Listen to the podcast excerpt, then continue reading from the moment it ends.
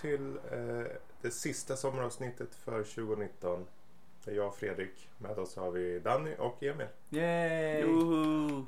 Vad ska det bli i det här avsnittet egentligen? Det märks. Det märks. Ja, nej, vi, vi tänkte vi tar en, vi inspireras av After Dark avsnittet. Som vi har lagt ut precis.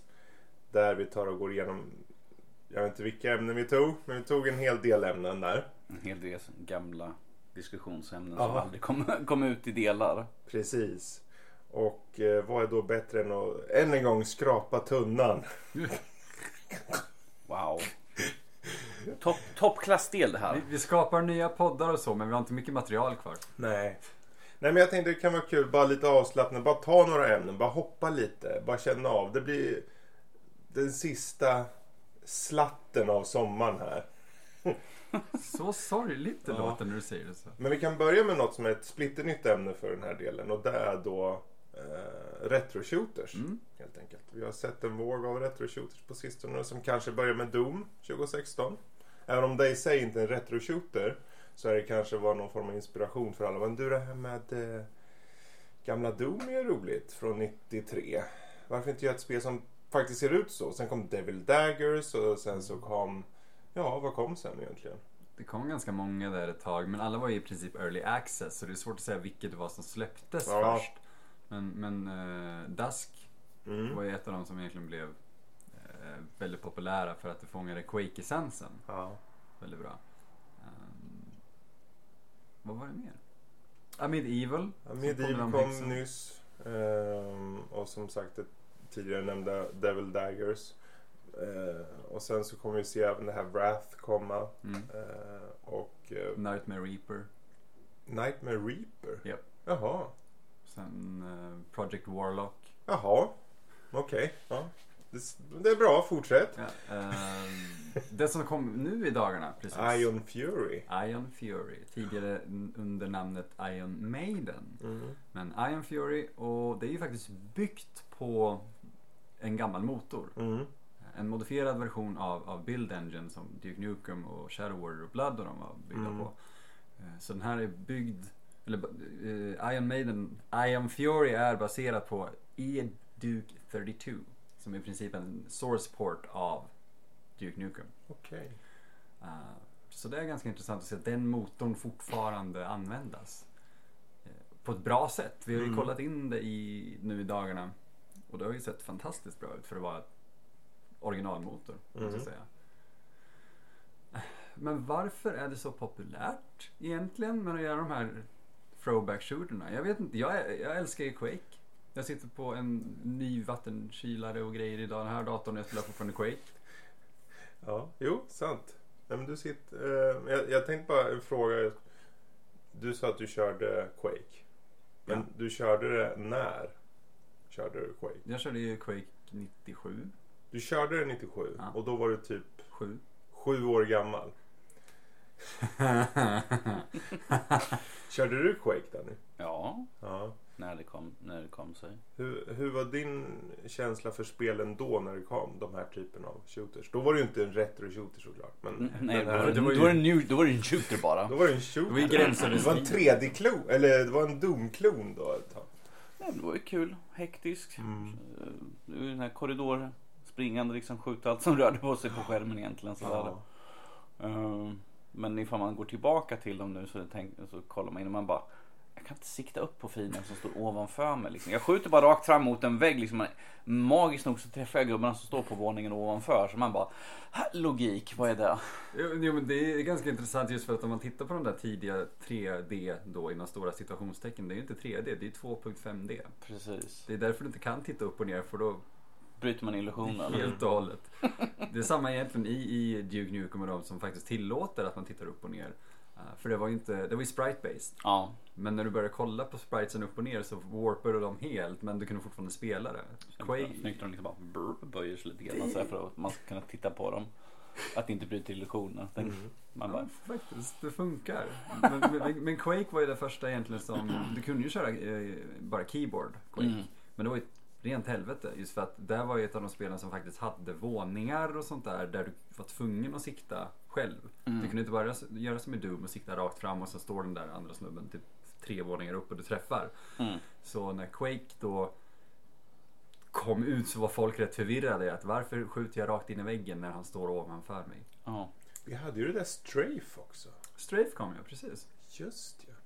Alltså jag, tänkte, jag är bara nyfiken, vad, vad tror du Danny? Varför kommer det så här mycket av den här typen av shooters? Eh, Nostalgifaktorn. Vi har ju sett massvis med sånt. Som till exempel jag gjorde ju Stranger Things 3 The Mm. Game. Vilket är, är ju väldigt mycket gamla SNES-spelen. Uh, pixel, pixelbaserat liksom. Men det är också ett spel som ska utspela sig under 80, eller serien som utspelar sig under 80-talet. Där, Så Mm. det är väl därför också väldigt mycket de körde den stilen. Men att vi har ju sett liksom en väldigt stor eh, inflation av retrospel. På Mm. gott och ont såklart. Eh, Hotline Miami Mm. är Mm. väldigt eh, typisk liksom. De har, den har blivit väldigt populär men den jag tror det kanske inte så mycket på art style utan mer själva gameplayet. Liksom. Mm. Att det är väldigt köttigt. Du liksom springer in, bara mosar. Precis. Det är snabbt, det är, liksom, det är oförlåtande. Så jag tror att väldigt mycket på det spelet är ju på den biten. Men eh, det är, man ser ju väldigt många som gör sina egna sådana där och det är ju enkelt att göra ett retrospel för du behöver inte tänka på att men jag måste göra modeller och jag måste tänka på level design. Utan Mm. liksom men jag gör ett enkelt gammalt old school liksom spel. Mm. Fast vilket, Pixel art. Pixel art, fast vil- vilka jag tycker är skumt när det är liksom så här mellanstora studios som också faller in på den biten. Så där man bara, ni har resurserna, ni har kunskapen, varför? Okej, sure det är en våg utav retro som kommer, kommer nu liksom. Mm. Så jag förstår väl liksom att man vill ju slå till på när någonting är populärt. Men vi skämtade ju på vägen eh, ner hit till Göteborg lite grann om att om typ 10 år så kommer vi vara typ eh, Playstation grafik liksom sådär. Playstation 1 grafik med Final Fantasy 7 och någon sån där typ grafik. Man bara, ja jo varför inte? Men det där finns faktiskt redan på, på in... eh, Ingång, ingång, ja jo det är eh, klart det gör det. Det finns en utvecklare som heter, eller går under namnet Puppet Combo. Mm. Och han har gjort väldigt mycket just PS1 inspirerade skräckspel. Okej. Eh, så jag tror inte, ni är inte far off, det där kommer. Kanske dock inom bara något eh, eller två år, sen så är vi där. Mm. Ja. Nej, men jag tycker det är kul med de här retro-shooterserna. Mm. För det betyder bara att den generation som tyckte mest om Quake, Doom, eller den här tidiga polygon-shooters. För jag, det, jag tänker de precis efter klassiska Doom, Wolfenstein. Alltså Quake och, och de här. Det känns som att när de förde in polygonbiten där så var det är ju där folk strävar efter nästan mest känns det som nu. Ja, nu har vi ju rört oss från sprite-based. Ja. Nu gör vi true 3D mer och mer. Precis. Eh, och det är det jag ändå tycker är väldigt häftigt att ett spel som typ Dusk, Mm. det är gjort på Unity. Ja. Men känns, Ja, just det. eh, det känns fortfarande som en, en stabil och färdig, eller det känns som en testad motor Mm. från 90-talet. Eh, och jag tycker det är det som är väldigt intressant med just typ Iron Fury som använder sin gamla grej Mm. med sprites. Mm. Vilket är snyggt som fasen. Alltså en hög high def sprite ser bättre ut Precis. än dålig 3D Mm. enligt mig.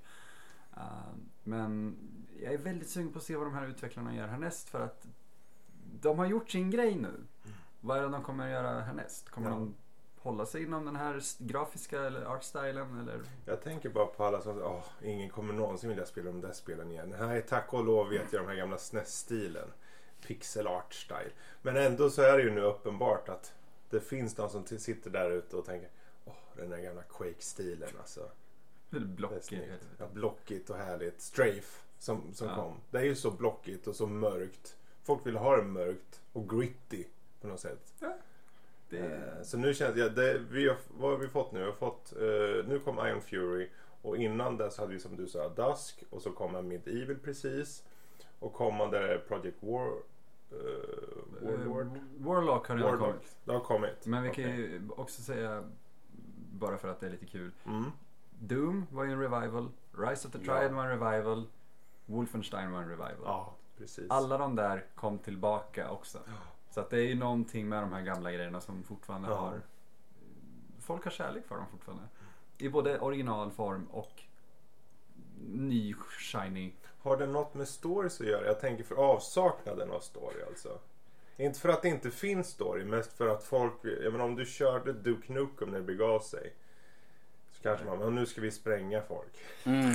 För, förgödda liksom jävla grisar som sprang runt eller något. Blafs här. Man ville det, det var roligt bara. Ja, det handlade inte mycket om storyn just. Det var one-liners och det var badass. Och, och jag menar vi får ta bara Wolfenstein eller Doom. De hade ju väldigt simplistiska. Wolfenstein, nazister, jag skjuter och mördar dem. Mm. Doom, någonting har hänt, liksom en helvetesport har uh, öppnats upp och sånt där. Mm. Jag måste ta död på alla demoner som kommer hit. Samma sak med Quake också, där det liksom, det är bara monster. Mörda allting som kommer emot den. För de, Ja. Det är jag eller dem. Det är det som är Precis. egentligen det enklaste konceptet där. Det finns ju mer story där någonstans men de var ju alltid typ back-end när du har klarat av allt så är det någon som har skrivit eh, ett par paragrafer. Och, Ja. Är det någon av er exempelvis som vet vad Quake i Quake är? Nej. Nej, Quake är eh, slutbossen. okej. Okej. Det är, det är antagonisten. Och det, jag hade inte kunnat svara på det för ett par år sedan. Nej. Och då, kunde, då visste jag ändå Quake innan och utan. Förutom storyn för att... Yeah. Vill, vill, I i sådana vill man ha storyn då läser man liksom de här tie-in böckerna. Ex- ja, som någon har skrivit liksom 20 år senare. Mm. Liksom, här är den officiella historien. Så liksom, man bara okej. Mm. Sen spelar man spelet efter man läst boken man bara I don't get it. Kan, Ja. det ha, kan det ha något att göra med att eh, det är ju en fråga. För de här typen av spel det handlar mycket om att ha en bra level design. Mm. Och dessutom gör det. eh, Det finns ju Castlevania så här du ska gå tillbaka och hitta hemligheter och sånt. Mm. Men här, hemligheten i den här typen av spel, de, fin- det finns inte ett par få i regel. Utan det brukar vara proppat till viss del så. De, de släppte ju Arcane Dimensions som var en, en enorm eh, mod för Quake. Mm. Eh, man kan väl kalla det en, en, en, en ny episod. För, för, vad är det de heter nu som gjorde Wolfenstein?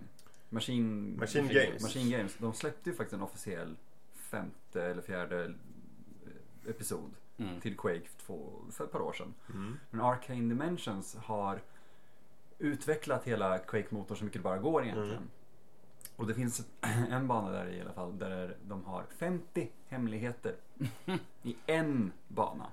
Jag tror det var en rolig förut Ett rum. Ett rum med Man bara, 50. hmm. Det, är- Ja. ja. Ja, jag tycker det blir bara intressant att se vad, vad som kommer komma härnäst så att säga. För jag har sett Doom Revival. Jag har sett Wolfenstein Revival. Får vi då se en ny Quake? Tror jag? Ja, vi fick ju Quake Champions och det gick ju som det Mm. gick. Men om vi får... Men den är ju fokuserad på arena shooter som Quake 3 va? Precis, men det Ja. vet att folk anser att Quake 3 var ju egentligen där Quake i mångt och mycket blev Quake. Alltså hur vi känner det till, Okej. som idag. Ja. Eh, och de som pratar story, de säger att Quake 2 var ju det stora Quake. Jag vill ha det här medeltida, konstiga dimensionerna Mm. och Shabniguraf och Lovecraft som första gav oss. Om jag kan få det i en revival eller en re- remake. Jag tror att eh, jag tror Quake Champions var fel Ja, tid. Ja, Eh, Jag tror att de skulle ha gått singel. jag är övertygad om det. Det känns som att de borde ha siktat in sig på, eller de kanske gör det, för jag, jag, det skulle inte förvåna mig om det faktiskt kommer en, en Quake. Nu får vi fått, du, Danny, du har ju spelat igenom Sinking City och Call of Cthulhu så att det kanske är dags nu att vi får en shooter Lovecraft. Ja, för att ingen utav de här var ju direkt något hårt på action på det sättet. Visst, du fick ju skjuta det igenom men att det var ju alltså i Sinking City själva vapen vapnen den var ju totalt värdelös. Det var en, en av de svagaste bitarna i spelet Ja, egentligen så att säga. För det är liksom siktet är jätteuselt, det är liksom, du har inga bra vapen överhuvudtaget och det känns liksom man är väldigt begränsad. Det är mer den här för de säger hela tiden så här om du känner att du är illa ute i en strid, spring! Vilket man gör konstant. Så ett, ett, ja, ett riktigt shooter där skulle sitta fint Mm. ja. Ja, för alltså, vapenhandlingen i till exempelvis eh, Dark Corners of the Earth. Den Ja, gamla, eh, precis. det var ju också skräp. Men Ja. kan vi få Trent Reznor, okej vi tar ännu bättre. Andrew Hulsholt som har gjort musiken till i princip varenda retro-shooter som har släppts nu de senaste åren. Mm. Eh, om han kan göra en Quake-liknande soundtrack till eh, en, en ny revival. Då, jag, jag, jag skulle få allt jag behöver tror jag. Ja, jo precis. Men det är ju det är väldigt mycket fråga om liksom att få ha rätt level design, liksom att det ska se rätt ut. Som, som du säger, bra musik Mm. liksom som känns liksom från den gamla tidseran egentligen. Ja, det måste vara, ja. Att det ska vara liksom passande till. eh, så tror jag liksom mycket väl att vi kan få till det. Och sen såklart härligt, härligt köttigt. Åh, det är det viktigaste nästan ibland. Så här. Bring back the gib. det, det är det jag känner att vi behöver. Men egentligen alltså, finns det jättemycket mer att säga om det här utan att vi sitter och upprepar oss. Vi- Nej, vi kan jag var säga- mest... Okej, vi kan avsluta med en fråga. Om, om det finns någon gammal klassisk eh, eh, numera shooter då. Som ni känner, men det här, det vore kul om de tog det här spelet in och gjorde eh, en slags ny tolkning av. Tech War. Tech War? Mm.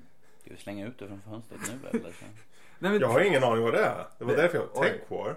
Tech War är baserat på en, en, en bokserie spökskriven av William Shatner. Okej. Han, I spelet så dyker han själv upp som din eh, eh, överordnade och säger åt dig vad du ska göra. Det, Ja. är, det är ett ganska öppet spel egentligen. Ja, det är det.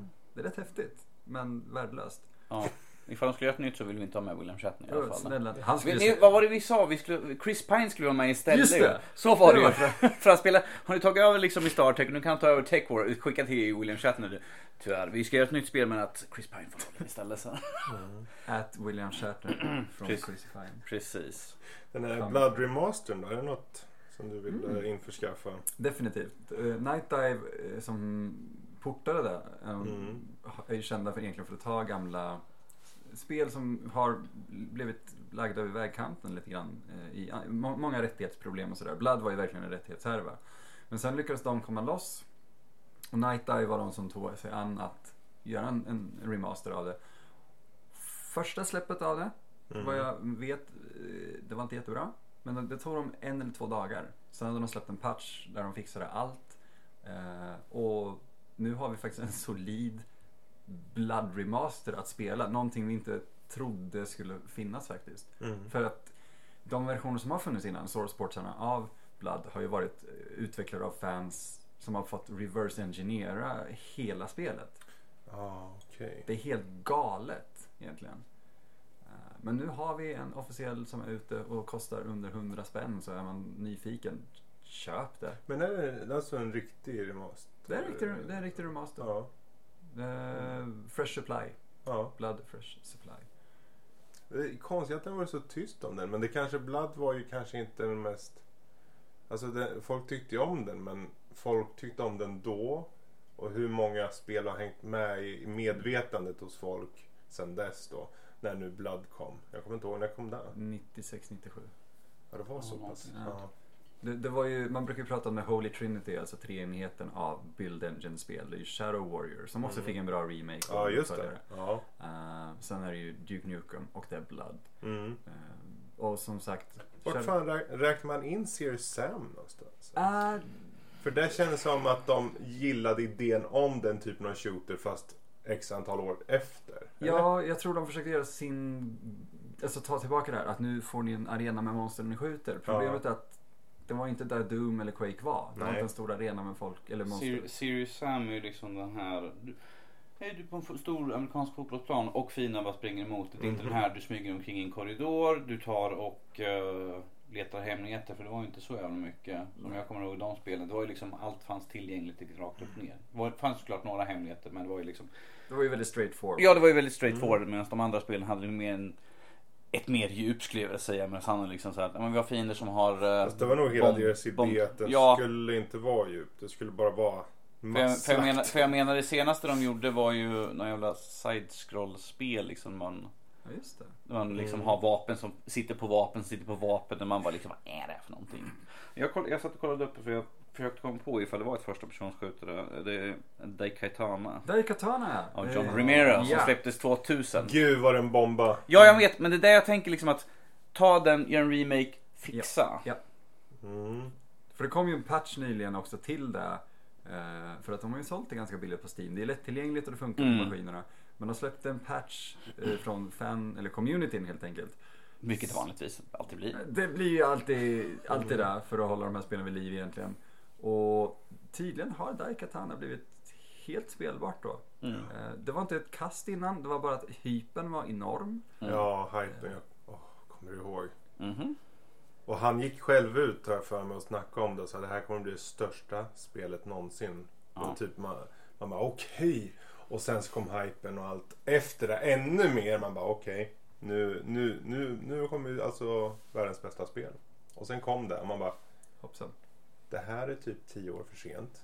Alltså rent Mm. utseendemässigt. Ja, det är ju, så- det är ju, det är ju byggt på Quake ju. Så. Ja, det är så, ärligt talat, så jag, jag hade förväntat mig så mycket mer bara av det ytliga. Men det är vi, Sen- vi så- pratar ju- Ja, det, det är ju, John Romero är grym på att designa.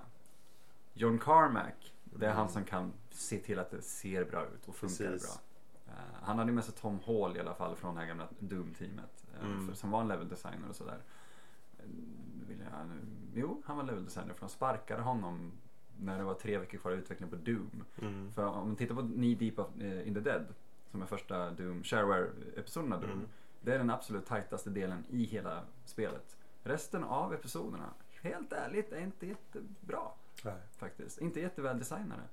Men, det slår mig ju att Doom fick ju faktiskt Sigil i år. Som var en megawad. Mm. Vilket innebär då en, en ny episod, en mod, av John Romero själv. Mm. Så att han håller ju fortfarande liv i det med. Mm. Eh, Han kan inte släppa taget bara, det är nog därför. Alltså när man lyckas med det absolut, när, när du når din topp i början av 20-åren, Mm. då, då tror jag att det blir den här, ja, nej, jag, jag, jag går tillbaka till det här då. Ni minns vad jag var stor för? Nu är jag tillbaka igen. Jesus. Och det fick okej betyg. Ja, jo. Ja. Men hur som helst, frågan är vad tycker ni om eh, retro shooters? Är det så att ni tycker om dem? Eller tycker illa om dem? Ja, hör av er på info.nordlivpodcast.se Och med det sagt tänkte jag vi tar en liten roulette här. Jag ska ha en rysk roulette tänkte jag säga, fast ändå Åh, inte. Gud. Vi kommer inte dö. Vi kommer ta något nå ämne här och så får vi se om det blir mycket snack eller lite snack. Eh, och eh, först tänkte jag se, vet, men den här har vi använt många gånger, spelklienter. Helt enkelt står det bara. Mm. Och då är det fördelar och nackdelar. Har, det är många gånger vi har snackat om spelklienter, alla de här. Eh, GOG har vi som en ny uppstickare, men annars har vi klassikerna Steam, Uplay, Origin, Battlenet och så vidare. Men sist vi pratade om det här, tror jag var en två, tre år sedan. Oj. Eh, och det har ju hänt lite på den marknaden med spelklienter. Vissa företag har gjort egna. Bethesda har kommit med en och sen någon som kallas Epic. Aldrig. Vilka det är. Det är några filurer. Men om vi börjar med klienterna som är de här klassiska. Hur, hur ser det ut med Steam, Uplay och Origin tycker ni? Steam har ju faktiskt under de senaste åren städat upp sin, försöka hitta ett lämpligt fint ord, sörja till early access. Mm. Eh, eller nu är det early access, de hade ju Steam Greenlight innan. Ja, Eh, och det var ju katastrofalt. jag Men tycker den är laggig också för mig. den är laggig. Ja. Jag vet inte vad det är som Är riktigt. mycket bakgrundsprocesser Mm. kanske? Ingen aning. Den, nej, vad det, jag, om man ska vara nitpicky också. Jag tycker att den känns, Den känns bloated. den känns bloated, den känns gammal. Ja. Ehm, De skulle ju komma ut med en kontring nu, faktiskt nu direkt här efter sommaren. De, skulle, de hade gjort en beta som kom under sommaren. På ett nytt UI, alltså gränssnitt. ja. Eh, och det skulle vara så jävla fräscht. Den ska väl komma ut nu till höst. Intressant. Rullas ut. Så då får vi se. För de måste, jag tror att nu, i och med att det har hänt lite grejer. Mm. Så är det så att de äntligen får tummen ur. Jag tror De kan inte bara sitta och vi har exakt samma procentuella rabatter på samma spel varje år. Vi måste göra någonting. Ehm, Ja, det har ju varit mycket fram och tillbaka speciellt då med Epic ju här. Mm. För att de har ju varit heta på gröten så att säga när de tjänade sina pengar där ju. mm. Eh, och eh, tyckte att ja, men vi ska vara den nya och sen skjuter så mycket skit på Steam och beklagar oss över dem liksom höger och vänster. Så. Steam, men som sagt, Steam kan ju äntligen sitta och luta sig tillbaka. De är den absolut största marknaden Ja. för eh, spel eh, på PC så att säga. Och det här är många som jag hört som jag lyssnar på poddar liksom, eller gameskribenter och allt sånt där. De bara Sen när kom konsolkrig, alltså konsolkrig typ mellan olika marknader till PC? För att Mm. vi har haft Xbox, vi har haft eh, Playstation, det har liksom alltid varit det där kriget. Nintendo har alltid varit sitt egna lilla race. Nej. De puttrar på så de har aldrig varit med i det där. Men nu, finns, nu är det exakt samma sak. Nu är det liksom så här Val versus Epic. Liksom. Mm. Så man bara Wow. Och alla bara, hur kunde det här? Alltså konsolpessen som alla PC Master Race säger sådär. De liksom bara, åh, de håller på att bråka däremellan. Vi har liksom på Fast PC. där, den skillnaden tror jag där är. För på konsolsidan så var det jämt, det var läger som var så tydliga för de där borta kan inte köra de spelen där borta. Mm. Här handlar det bara om spel som vi kan alla köra men du väljer att inte köra en, använda en klient bara för Mm. att du är snål i huvudet. Ärligt talat. Ja, ja, ja. Jag håller med dig. Origin idag, till och med Origin. Det är inget fel på det. Jag Uplay har blivit mycket bättre. jag kommer ihåg när Origin kom. Det var en katastrof. Ja. Jag ju så. Men samma sak var Uplay också. Ja. Och därför jag aldrig tog och körde någonting på PC. För Jag att tror det tog tre till fyra år innan Origin faktiskt var... Ja. För du körde på det och på Origin har jag för mig. Och det kraschade väl höger och vänster och var en cluster puck. Ja, det kraschade inte för mig men jag tyckte bara att det, alla, de vet ju inte hur man gör en klient med rimliga gränssnitt och grejer. Man bara okej, klicka 7000 gånger för att hitta ditt spel och sen bara okej, hur, hur kommer jag åt? Och det var då. Nu har det blivit mycket bättre. Mm. Men vi, kan ju vi får inte glömma bort att Steam också var en bajsmack Ja, herregud. Men problemet med att Steam har funnits i 15 år typ. Något sånt där. Ja. Ja. 15 år. De har haft 15 år på sig för att fixa i ordning. Och så, Mm. Visst vi har ju Epic nu. De kom ut. Mm. De har ju sin den här ehm, kartan på hur, hur ska fixa allting. Roadmappen. Där De ju. rullade ju precis ut ett par grejer. Bland Mm. annat så kom ju Cloud Saves nu. Så och folk liksom så här, Åh, ingenting fungerar. De har en roadmap. Steam tog 15 år på sig liksom Mm. att bli där de är idag. Så att man får ju vänta lite grann. Ja, man får ha lite tålamod för ingenting. Alltså ja, Steam har ju... Men, men grejen är det också samtidigt att ni har sett alla problem som alla Precis. andra har startat upp. Varför har ni inte liksom i För förväg att suttit innan man skillnaden är ut? nu att då, då var det nytt Mm. för alla. Idag är folk vana. Folk förutsätter någonstans. Okej, ni släpper ut en, eh, en, en, en digital tjänst. Det här ska ni veta, det ska vara klart och det ska vara klart igår. Mm. För 15 år sedan, då bara, vad fan är det här? Då var inte, det var annat form av gnäll då. Det var, gnället var, men vad är det här? Vi Varför vill bara måste- ta ner, vi har ju skivan här.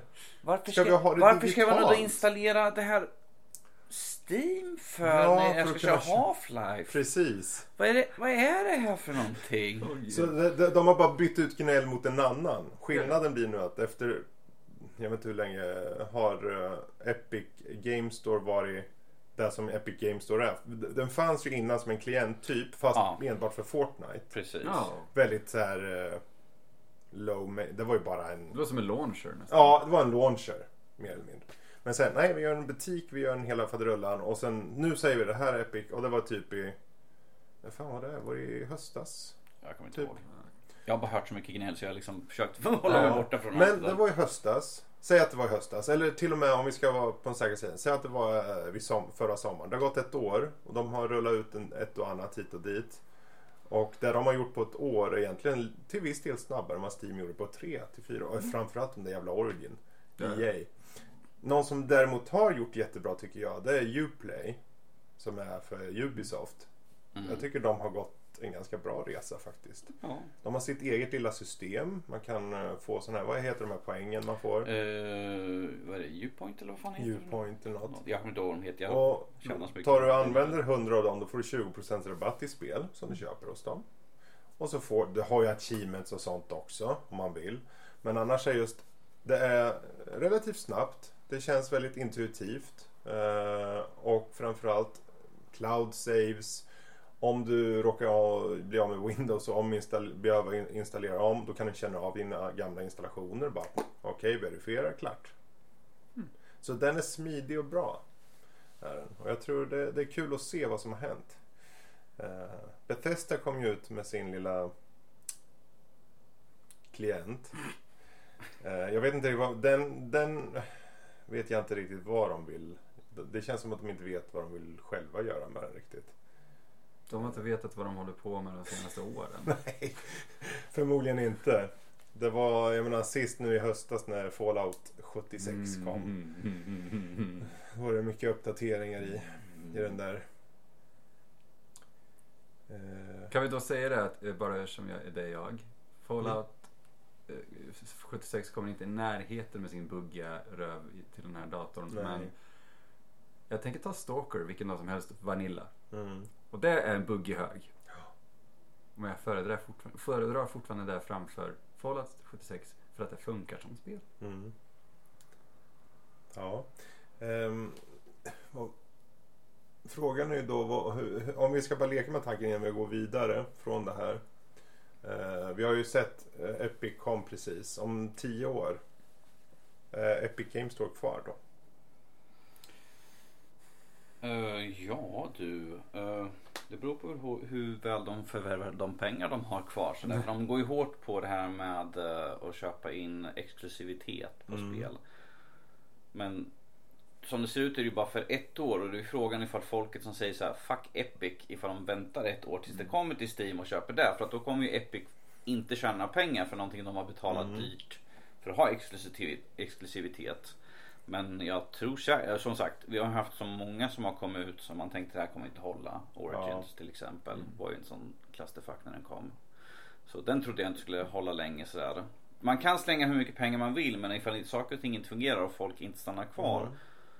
Då kanske det är dumt. Fast att, konundrumet de har, det, det här med att folk säger att det inte fungerar. Det är ingen som säger egentligen. Alltså visst, den har barnsjukdomar. ja. Men det är minimalt. ja, precis. Det enda är att folk är obstinata. Ja. Fuck Epic, precis som du säger säger Mm. de. Men de har inget bakom det. Mm. De är mest, vad, vad, de är idioter tycker Det är ju jag. mest Ja. den här att De säger bara Jag- för att jag de har- är anti, de är konservativa och de vill det, ha det är också den här mest att jag har allting med annat på Steam. eh, jag har alla mina vänner på Steam. Ja, men de hade så man kunde implementera vänlistor och sånt där också på Ja, ja, det finns. från Steam. Så att du kan plocka över också. När de fixar liksom vänlistor, achievements och allt sånt där. Mm. Samma sak ju. Ja men det är väl det GOG 2.0 eller vad de skulle göra Ja, också. Det det. skulle ju vara en aggregator utav alla Ja. olika ju. Vilket ifall de får det att fungera. Och från konsol också. Wow! Japp. Alla Jag vet inte hur de skulle få lyckas med det men. Alla som genuint ser någonting som är dåligt i den här klienten. Ja, absolut, det håller jag med om. Alla dem. Är det dåligt då ska folk fixa det. Ja. Men de flesta är ju bara blinda för det och bara ställer sig på ena sidan pekandes på Epic och säger vi hatar dig för att vi vill. För vi Mm. kör med Steam. ja men alltså spel och... Och då tycker jag då, ni kör på samma plattform. Ni håller på och gnäller på exklu- exklusivitet på ett år. Varför? Du kör ju på PC. Varför bryr du dig? Varför? Konkurrens är bra i spelmarknaden folk. Hur som helst. Det är kul att det har hänt lite grejer. Ja. Och det är intressant att tror jag blir att se vad har hänt med Steam om tio år. Och Mm. finns de kvar om tio år? Ja, Det lär de nog göra. Men, men vi vet ju ja inte. man vet aldrig förstås. Man vet ju aldrig. Men hade Men inte de... Troligtvis. De har väl till och med doppat tårna nu i eh, virtual reality och sådär. Så att de har ju Ja. ganska intressant framtid framöver. De har, ju haft, de har ju haft det så lätt så länge så att de har ju inte ens fokuserat egentligen på att skapa spel mer som att de har lekt med projekt, HTC Vive och liknande, nu sin egen index. Mm. Så de har ju bara spretat åt alla andra håll. Och, Men, eh, och det de väl har gjort, de gjorde ju ett kortspel. Ja, Och det brann ganska hårt. Och, ja. precis. Men de, skulle, de hade ju sagt att de skulle försöka fixa skiten ju. Mm. Ja, men nog sagt om det. Eh, nu, vi ska hoppa till något annat. Vi ska, ska se här vad vi har för något. Um, partyspel, den har vi aldrig pratat om. Det är en sån där eh, ämne som har dykt upp många gånger. Frågan är först, är det någon av er som spelat eller spelar partyspel? Mario Party. Mario Party? Inget? Mm, Nej, jag tror inte jag kan komma på ifall jag har kört något. Vad är då partyspel? Kanske man ska börja med att säga. Det är väl egentligen... Jag ser det som couch co-op-spel. För mig är partyspel. Det är lite som ett Det ett ska vara det lättsamt. Du kör det. Visst, de flesta kanske skulle också säga att du, du, de här extra hoppar runt framför någon kamera eller något. Typ såhär Just, Ja, just det. Just Dance. just Dance och sånt. Hela Xbox Kinect. Men Overcooked är eh, till exempel Mm. ett eh, partyspel. Det är ju eh, som ditt, det där, eh, vad heter han? Kocken. Ja, Gordon Ramsay, uh, Hell's Ja. Kitchen. Ja, fast små puttinuttgubbar och så är det högt tempo. Man ska göra maträtter tillsammans. Man är upp till fyra pers. Där kan man köra i. Lite hektiskt. Det har jag kört visserligen. Ja. Men jag räknar inte som, det var liksom såhär, bara hoppa in en stund. För det var ju Fredrik och Max som satt och Mm. spelade där. Det kom ju på konsol. Jag kan tänka man sitter där fyra i soffan. Då blir det nog party över det hela tror jag. Mm. Man kanske till och med tar någon så här liten hutt eller något. Med. Åh, nej. Och så blir man överkörd av en bil. Vilket man kan bli i spelet. Ja. Oh, Mhm. okej. Jag blev det många gånger. Och jag var nykter.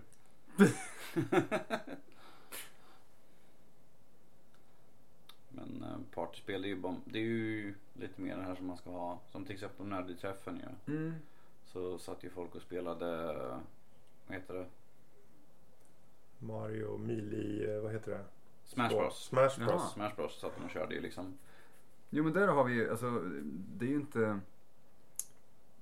Det finns så många purister om man ska säga som skulle eh, påstå att Smash inte är ett fightingspel. Det, det, är det är ett fightingspel på sitt sätt. Men det är att det är väldigt lättillgängligt för alla också. Mm. Däremot om du sätter dig som en nybörjare mot någon som har spelat lite Street Fighter, då är du fucked. Man ska inte sätta sig mot Max. I Street Fighter? Eller? Det spelar ingen roll vilket fightspel du kör. Oh, Det är kört. Okej. Han, han kör lätt med liksom, låter den slå en, se hur, hur bra man är och sen Mm. tar han liksom kör över den med en mangel liksom. Han bara, det här var inget kul. Måste man, eh, de här partyspelen, det känns som att en gemensam nämnare alltid är att få folk att bli jävligt sura. Ja, Jag tänker ja för jag tänkte, du sa ju Mario Kart där. Party. Party. Party. Men jag tänkte annars på Mario Kart. Mario Kart. För där, där eh, alltid någon jävel som kommer med en jävla sköldpadda och träffar när man leder. Man släng- slänger en blue shell och sen är det kört. Liksom för de, Ja. de som ligger i först. Ja. Eller de som kommer i vägen. Så det, innebär det att partyspel då typ är spel som du egentligen... Det, det spelar inte så mycket roll vad som händer i spelet. Det är mest man gör något tillsammans. För Super Mario Kart är ju egentligen, du kör, du ligger sist, du kan ändå vinna. Det är liksom... Jag vet inte vad skillen är. Du kan, vi har ju Louise, hon uppenbarligen har kört miljontals timmar säger det, känns det ju som. Ja, hon hade väl 100% av skiten just nu. det har hon med all säkerhet. Mm. Men vilka, Eh. alltså, det finns ju den typen av partyspel också som inte kräver så mycket competitive. Mm. Det är ju då typ Guitar Hero. Som Ja, var just alltså, plastinstrumentspel-eran som var Mm. där under hur många år? Fem år? Fem, sju, åtta år kanske. Ja, Det var ju en jättestor hype. Alla hade sådana där grejer. ja. Nej, jag menar alla tillverkare. Sony hade det. Eh, Nintendo, de gick ju all in på Wii. ja, ja. En, eh, Kommer du ihåg en sån här stor packe man kan köpa? Det var bara tilläggsprylar så här. Det, det var ju ganska fantastiskt. För det var ju där vi många gånger plockade fram. För Mm. det, det var många som inte spelade eh, tv-spel i sig och det här med en handkontroll var främmande. Mm. Så när man då hade med sig Guitar Hero, alla känner igen, aha, det där är en gitarr. Mm. Och sen att det inte alls är en gitarr eh, i någon shape or form. Eh, så var det fortfarande kul för att alla fattade grön plupp på skärm betyder tryck in grön plupp och sen Mm. slå. Det var Red, väldigt green, blue, red, green, blue, gru, blue, green, red. Jag vet inte hur många låtar jag hörde på det här sättet till slut i huvudet. Men eh, det, det, det var en fascinerande period. Eh, det och Singstar. Singstar är ju en, en liten mix med den här karaoke-grejen och egentligen ett spel. Mm. För att karaoke kan ju stå och låta som Hej kom och hjälp mig hur mycket du vill och du får fortfarande sjunga klart låten om du inte suger allt för hårt. Men Singstar ger dig just poäng för hur bra du är. Hur känner du något tonart.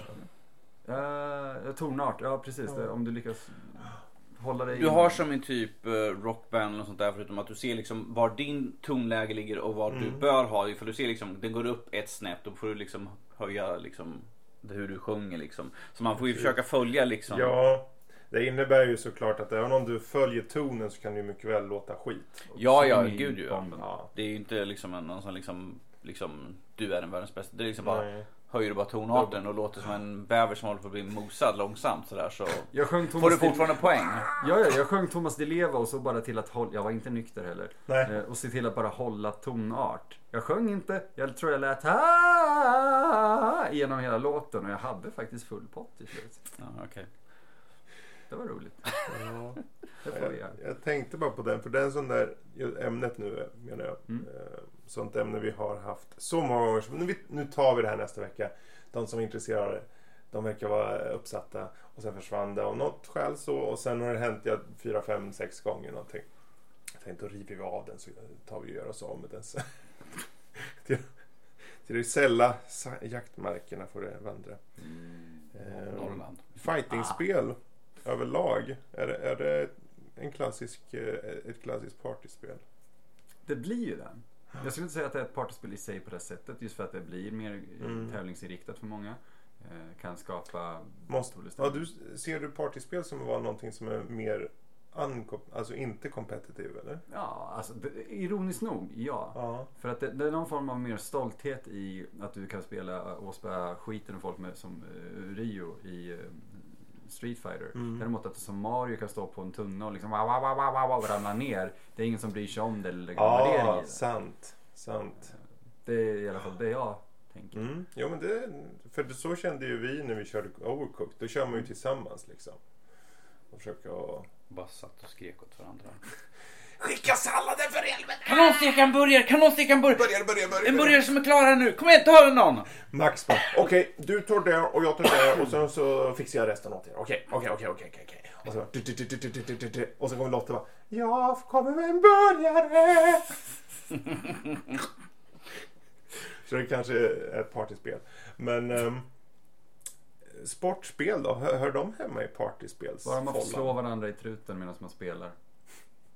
NHL? Ja, Fifa? Fi- Fifa, ja, ja definitivt. Okej. Vi borde ha plockat fram, jag har ju ett, ett Fifa och jag har ett NHL. Vi borde ha plockat fram den nu i helgen. Vi hade suttit här med blåtiror. Oj. Vilka, vilka var du? Playstation 2. Okej. Jag kommer inte ihåg vilka det är. 09 och 11 tror jag. Det är ju ganska nytt ändå. Jag tänkte, åh, tänk om han hade 99 eller 94 eller något sånt där. nej, nej. Så- På SNESen, har du ingen där? Eh, Där var ju det jättekul. NHL 94 stort. Ja. Var det där på en SNES? Mm. Okej. Vi hyrde den på macken. Allsvenskan hade de. Nu drömmer han sig bort här. Ja, nu Såg hans ögon började bli lite glansartade. Ja. De få gångerna det innefattar sportspel. Där bara när nostalgin kommer in kan Mm. jag säga. För nu för tiden är det inget. Eh, jag tänkte vi skulle prata trekvart om eh, NHL och NFL. Nej, jag bara skojar. Så jag såg, kände hur både mina och Emils ögon glansade över där lite grann. Mm. Liksom bara, Det var lite som när läraren i skolan började prata om någonting och man satt där. Jag ska försöka få fokuserad och sen white noise. jag sprang iväg efter den där fjärilen utanför fönstret hela tiden. Jag förstår inte riktigt. Ah. Danny, Yes. genre eller spelläge som försvunnit från den större spelmarknaden. Och då handlar det till exempel om, för att förtydliga mer. Vi ser ju till exempel inte så många pk-klicka som var förr. Mm. eh, på releaselistor som kommer. Så vilka typer av liksom spel eller genrer kanske inte lika vanliga då som de var förr? Oj. Du ser, det, det här är varför jag älskar liksom när han bara slänger ut en fråga som han bara liksom Mhm. shit. Uh, jag, ja, som, jag, som jag själv, jag ser inte så mycket sådana här jättemycket turbaserade Mm. spel. Det har mest har ju varit indiespel som jag kanske har Mm. plockat in och gett till någon. Men ingen som är sån här trippel A som ger oss något sån här, kommer Nej. något sån här turbaserat. Ehm, det var ju betydligt populärare förr skulle jag säga. Mm.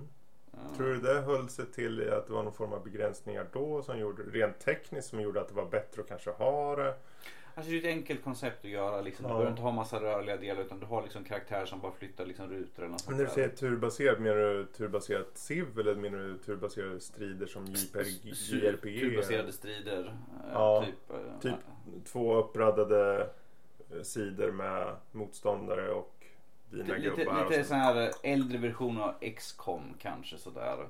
Okej, inte- action in- in- points typ eller vadå? Precis. Mm. Det är som sagt XCOM är ju det största som har varit egentligen de senaste Ja. åren egentligen som har den stilen. Ja. Eh, annars, vad fan, uh, Valkyria Chronicles som jag körde ju är ju Mm. ett turbaserat men det är Just liksom det. stort i Asien. Här var det liksom så att vi fick den nu. Ja.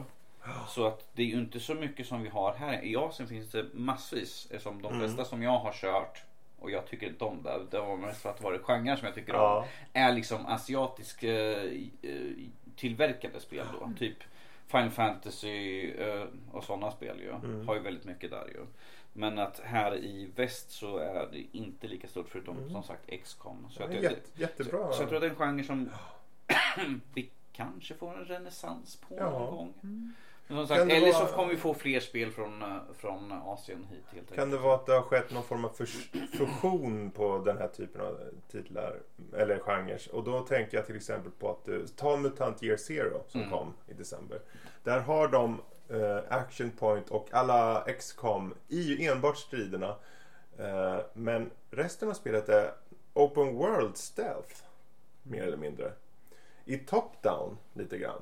Mm. Eh, så att de har liksom mergat ihop det och gjort det lite mer. Och de här action points, du kör ju med två karaktärer som verkligen styr då. Mm. Så det kändes lite fräscht, lite nytt men ändå lite av den Ja, det kanske är skolan. enklare liksom att ta det, det ifall man har det som en, en del av ett spel istället för liksom att det här är allt i Ja. spelet. Kanske. För att jag, när jag kör det så är- blir jag väldigt snabbt uttråkad Mm. utav det för att det liksom så här, Som Valkyria Chronicles. Som Valkyria Chronicles. Ja. Visst, det var ju kul, det såg snyggt ut sådär men att i längden så kan det ju bli lite så här tråkigt att hålla på. Okej, hur många steg har jag kvar på den här gubben? Har jag en action point? Mm. Nej just det, jag gjorde det här. Fuck. Åh, jag kan tappa tillbaka. Ja. Nej, det kan jag inte göra. Okej. Sen är det såklart det är ju en smaksak beroende på Precis, spelare och så. det är men, ju det. men å andra sidan ny publik idag. Publiken idag kanske tar sig lättare an en, den typen av spel. Om de har tagit in inslag från olika så att det känns dynamiskt kanske. Mm. Ja, alltså jag tror ifall det är folk som har kört Eftersom vi har ju så, nästan allting är nu open world och det är liksom Mm. fritt, du kan göra precis vad det är. Och då hoppa in i ett spel som är liksom, det är väldigt begränsat hur du får röra på det, hur du får göra. Jag tror att det kan ju bli liksom en stoppkloss kanske Ja. för att folk är vana att liksom spela på ett mer öppna, friare Ja. sätt. Men att ifall man har ett öppet sinne så kan man ta in det liksom, det är ju en, det är egentligen en väldigt stor genre Mm. egentligen. Ja. Så, och har ju stor fanbase på de spel som ja, finns. sen kanske folk helt enkelt vill ha något som ser fett ut. Och många sådana här spel. Så eh, det kom ett spel som heter Wargroove. Mm. Som hade retro pixelartad stil med den här JRPG eh, battle grejen. Ja. Men att hela spelet var också där. Det var de, som, tänk Total War fast retro stil med strider som var som JRPG. Man bara okej. Mm. De har gjort lite mix men det var ändå old school men det kändes fräscht. Mm. Men vad gäller just genrer eller spellägen. det Jag tror det är bara för att jag ville se om det var något spelläge. Du vet det här Capture Flagen och sånt. Ja, det Men har om- vi inte haft tillräckligt många. Nej, precis. Men genrer. Genrer. Finns det någon genre du känner så här, hmm, det här tycker jag känns lite lite om RTS. R- RTS. Och särskilt två stycken. Inte bara Command and Conquer och Age of Empires. Ja, ja. Utan även Commandos och Desperado. Och vi får Desperado 3! Yes. Och Commandos. Får vi? HD. Ja, kom, eh, Commandos 2 HD någonting fick vi mail om häromdagen. Ja. Mm. Eh, plus ett annat spel som hette som också var en liknande eh, spel eh, genre som Commandos men jag kommer inte ihåg vad det hette. Eh, säkert en klassiker. Säkert en klassiker. Men kul att du säger det för det, alltså eh, RTS är alltså eh, för mig eh, så är det ju såklart för dem, det är ju real time strategy där det är liksom arméer men den här klassiska Commandos var fan lägg, vart ligger den någonstans? För det är ju top down, det är ju strategi. Är det bara strategi då? Eller säger man? Jag skulle, jag För det är ju real time ja. strategy. För att du går aldrig in i något form av fightingläge eller Nej. någonting. Världen stannar aldrig upp. Jag skulle Precis. definitivt kalla det för ett real time strategy. Ja. För Desperados kan bli, det ser ju jättemysigt ut i Oh, ja. kommande faktiskt. Oh ja.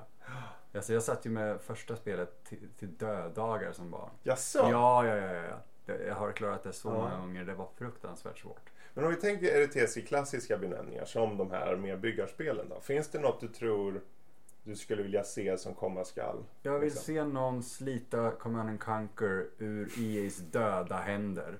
Det är vad jag vill se. För när, när vi satt tillsammans och såg eh, revealen av Rivals Mm. så var jag först väldigt glad. Ja. Sen var jag inte där längre. Ja, nu kommer en ny Command and Conquer! Till mobil. Mobil. Ja, Jag nej, det var surt. Jag kan inte ha blivit mer besviken Nej. tror jag. Ja. Ehm, jag tycker det vore kul. Danny visar att han har Rivals på sin Ja. telefon så... Jag tycker det vore kul att se om de nu inför den kommande Dune-filmen Ah, mm. också passar på att göra ett nytt RTS Dune-spel. Det hade varit väldigt spännande. Dune 2 som var lite av det som Mm. startade hela, mycket av genren. Eh, var ett bra spel men de gjorde ett spel, fan heter det? Inte Dune 2000 men de gjorde en efter där, Emperor of Dune. Oh. Som jag körde skiten ur. Tänk er eh, Battle for Middle Earth fast tidigare och inte fasta platser som de hade i första eh, Middle Earth RTSet. så har du egentligen Dune. Plus att du har FMV eh, eh, scener i RTS-et. Det är Påkostat. Och det är högst B. Högst, högst B. Men eh, en del eh, skapliga skådisar har för mig var med där. Jo men kolla, kom igen. Red alert 2. Udo Kier och Ray Wise. Jag är så lycklig när jag ser det där. Ja. För det var en av de första eh, platserna jag kom i kontakt med dem. Jag undrar om inte Michael Bean var med. Bland. Uh, Red alert 3 tror jag. Ja, han kanske var, det var kanske var Red Alert. Tillsammans där, med ja. Tim Curry och... Tim Curry med sin härliga ryska och allt sånt där. Mm, Peter Stormare också ju. Ja, just det. Ja, en sån galen Ja, professor. Rysk såklart. Ja, ja. Och James Earl Jones. Mm. Finns det någon annan genre då som, som ni känner? Ja, det vore skönt att se om den här gjorde en liten comeback. Jag vill se fler eh, brutala pusselspel alla Hotline Miami som vi redan har pratat om. För mig är det här brutala pussel. Ja. Men det finns ju, eh, inte pussel, men vad är det där spelet som du kör Fredrik? Där man är en gorilla ja. Ja, det heter eh, Ape Out. Ape Out. Och det är, ju, det är ju mer eller mindre Hotline Miami. Det enda skillnaden är att du är en stor jävla gorilla som har mosar skiten ur folk. Det. Sparkar, slår in Eh, dörrar ab- som flyger och mosar gubbar. Lite påträngande nästan musik. Bara så här. Och sen så bara springer du genom en nivå, det kommer folk som skjuter mot dig och du lyfter dem och använder dem. För de skjuter ett tag så här, åh, sprider kulor och du lyfter dem så använder du dem som skjut, liksom, vapen. Men jag kom, på, jag kom faktiskt på ett spel som du helt glömt att säga att du, för vi har inte frågat dig. Okej. Vi har inte frågat dig vad du skulle vilja se komma tillbaka. Mhm. Men du fick ju idag spela Urban Strike till Super Nintendo från 1994. Ja, Där du Desert uttryckligen- Strike-serien. Precis. Där du uttryckligen när du spelade Ja. sa det här skulle vara nice med en remake på. För att det, konceptet på det, det, det är ju så enkelt. Det är ju en arkad helikopter shooter fast i då var det ju, man bara åh vilken grafik, det är ju som riktigt! Alltså 3D, men det är ju fake. Det är eller fake. Det är ju sprite så här liksom. 2.3 eh, Ja. 2.5. Ja. Men det var välgjort för sin tid och jag tänker att sånt vore kul. Men vi har ju sett sånt. Eh, Renegade Ops kom ett spel som hette. Oh. Som hade lite av den känslan. Um, kommer ni ihåg, det var något gammalt spel, jag kommer inte ihåg vad det hette nu. På tidigt 90-tal. Får se om du kommer ihåg det här. eh, Emil. Nej men det fanns ett, man, man, det var en side-scrolling. Eh, man, var, man körde två personer. En kunde välja en helikopter, en kunde välja en, eh, en jeep. Och så körde jeepen längst ner och så sköt den bara. Det var ju bara en, Mm. liksom en shoot em up. Och jag tänker att hela det här konceptet gjorde de då med Renegade Ops. För då kunde man köra två. En körde helikoptern och en körde en bil på marken. Så jag tänker det var väldigt likt till viss del det här Desert Strike-serien. Men Desert Strike hade ju, det var ju bara, jag tänker Airwolf, den här Mm. gamla tv-serien som gick. Du bara tar din superhelikopter bara mosar skiten ur saker. Jag vill se det. Jag vill se en ny sån. Ja. Ja. ja. Vem fan äger den licensen? Säkert Atari. Ja. Någon subsidiarian där Ja. under Atari. Undrar om inte EA äger det då? Det borde det vara i så fall. då. Jag vet inte. Det känns bara som om de äger allt nästan. Så. Det är de och Disney. Ja. Usch. Mm. ja. Innan vi går ifrån ämnet. eh, Finns det någon genre ni vill avsluta med som ni vill se mer av? Uppdaterade kortspel på desktop. Solitär? Ja, i HD. I VR? I VR. Varför? Du sitter ju här. Du kan ju sitta med korten här framför. Nu, nu, nu låter det som mina föräldrar gjorde på 90-talet. Där. Varför sitter du och skjuter folk i, i spel? kan du gå ut på gatan och göra. Gå ut med det nu! De är göteborgare också nu. Uppenbarligen. Va? Vad säger du då?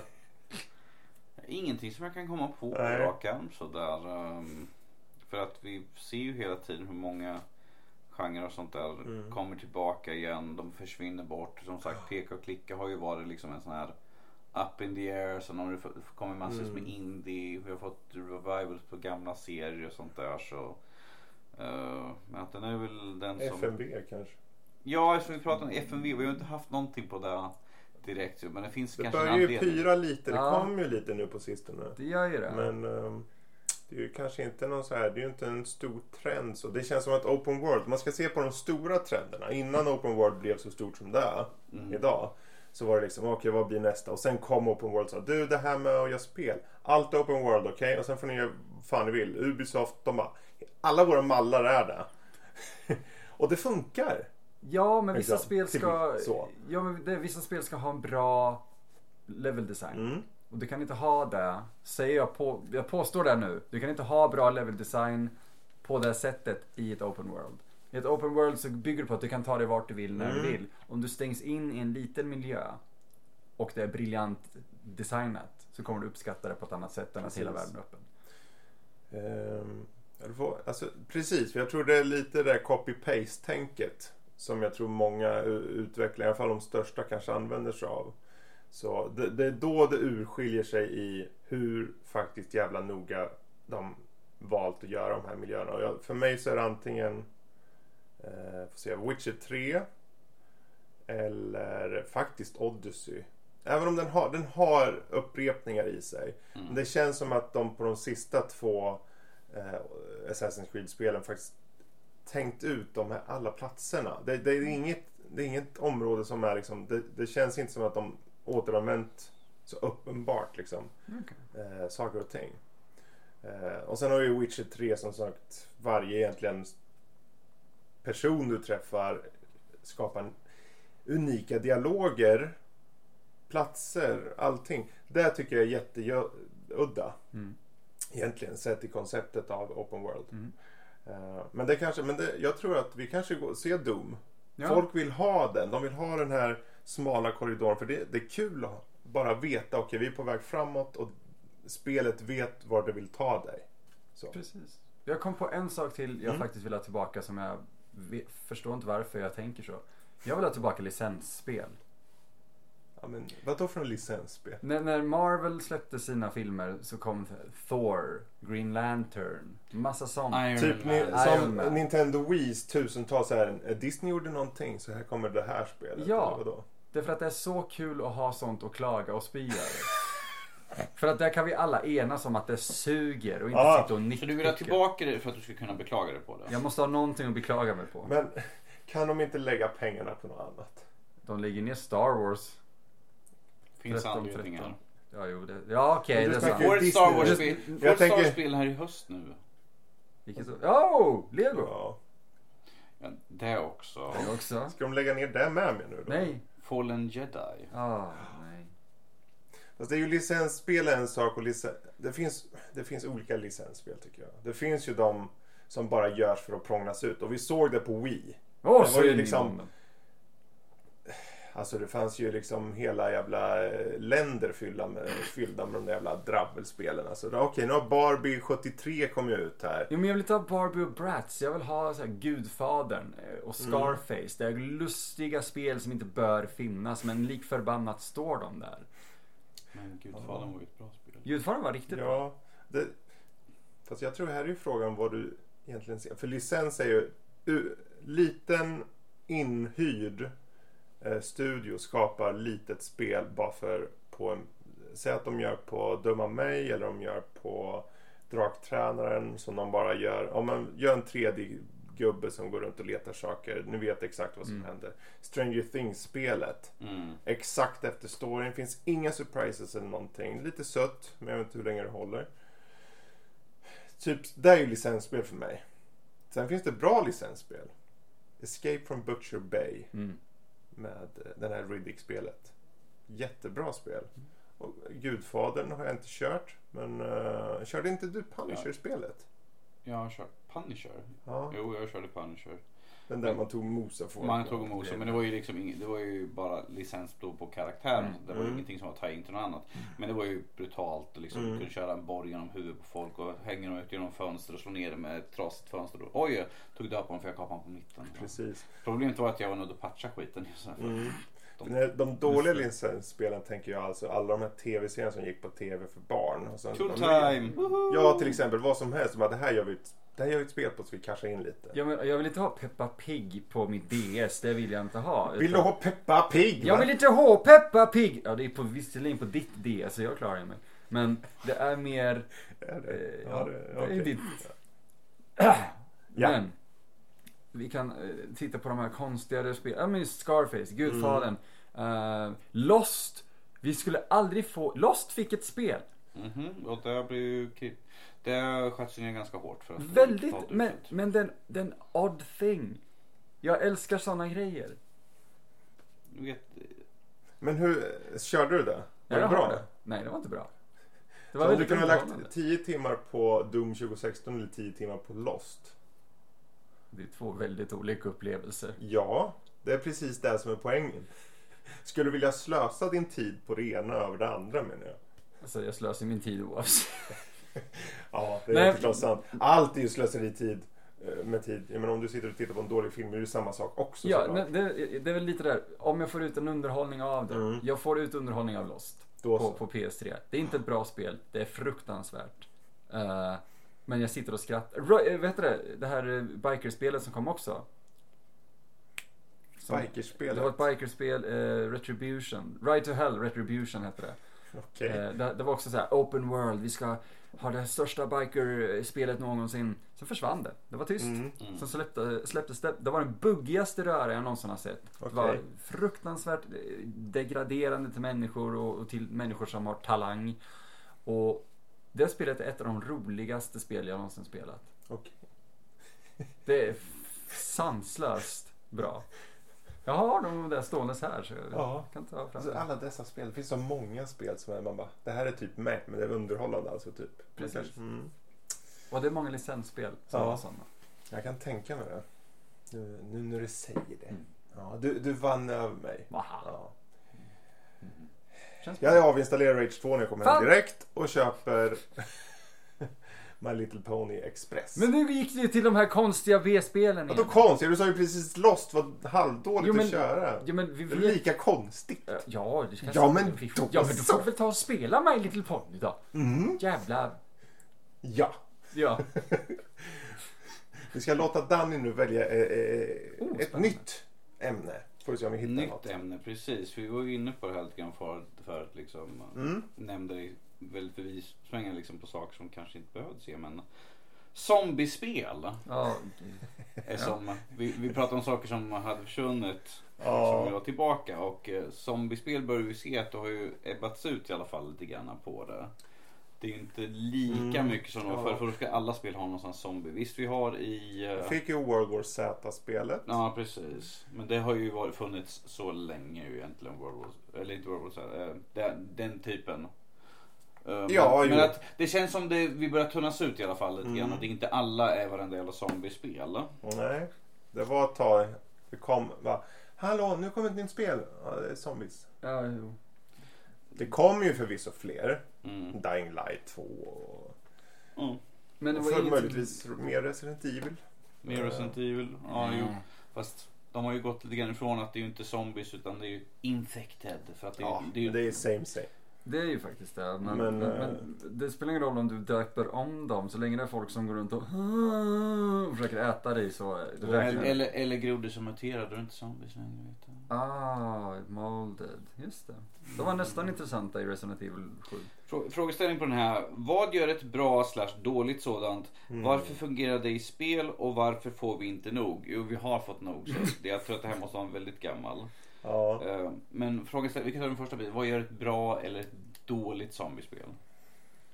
Vad hette det Mm. där som vi testade betan på? Eller vi kanske till och med gjorde recension på det. Och ett sånt zombiespel.